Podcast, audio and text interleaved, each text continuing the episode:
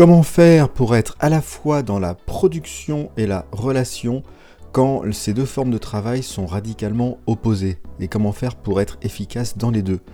C'est la question à laquelle nous allons essayer de répondre aujourd'hui. Bienvenue, vous êtes dans J'ai pas le temps pour ça, le podcast proposé par Eric Boucher. Je vous propose des trucs, des astuces, des conseils, des outils, des méthodes pour être plus efficace au quotidien et terminer la journée plus tranquillement. Production et relation. D'un côté, j'ai besoin d'être tranquille, concentré sur des périodes de temps ininterrompues, et de l'autre, j'ai besoin d'être disponible pour être en relation avec les autres, et parce que eux aussi ont besoin de moi.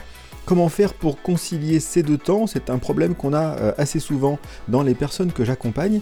Et on va se tourner vers Anne-Laure Lecunf qui nous propose dans une de ses newsletters de travailler justement ce changement de contexte, le contexte switching et reprend le vocabulaire des ordinateurs, mais de travailler en pleine conscience, ce qu'elle a appelé en bon anglais le mindful context switching.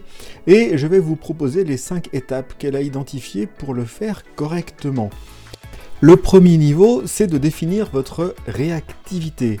Exemple qu'elle donne, si vous avez des clients de grande valeur qui s'attendent à recevoir une réponse de votre part en moins d'une heure, c'est le niveau auquel vous devez être réactif. Si en revanche votre activité euh, n'est pas totalement réactive, peut-être que vous ne pouvez regarder les emails qu'une fois, deux fois, trois fois par jour. Il n'y a pas de règle, c'est à vous de définir quel niveau de réactivité vous voulez donner. Deuxième étape, concevoir des parties de travail gérables. Sur quel bloc vous allez travailler? Maintenant que vous savez à quelle vitesse vous devez être réactif, donc divisez vos tâches en parties gérables qui peuvent être effectuées entre ces temps de réponse, entre ces niveaux de réactivité, avec un début et une fin. Troisième étape, planifier du temps dédié. Ceux qui me connaissent, on parle de time boxing, on parle de time blocking, on va parler de Pomodoro, toutes ces choses-là. Donc bloquez ce temps dans votre calendrier. Quatrième étape, si vous me connaissez aussi, communiquez clairement, c'est aussi un des éléments du Pomodoro, ne pas mettre de surprise.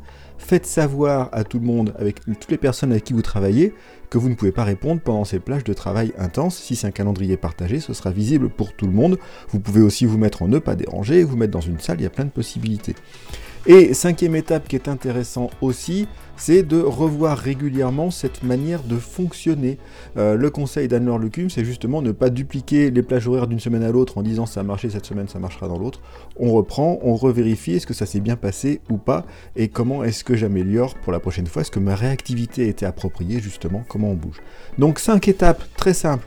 Définir votre niveau de réactivité, concevoir des blocs de temps qui vont être gérables, planifier ce temps, communiquer clairement ce que vous faites et puis revoir régulièrement ce que vous faites pour vérifier si ça continue d'être pertinent. Alors, on essaye quand tout ça?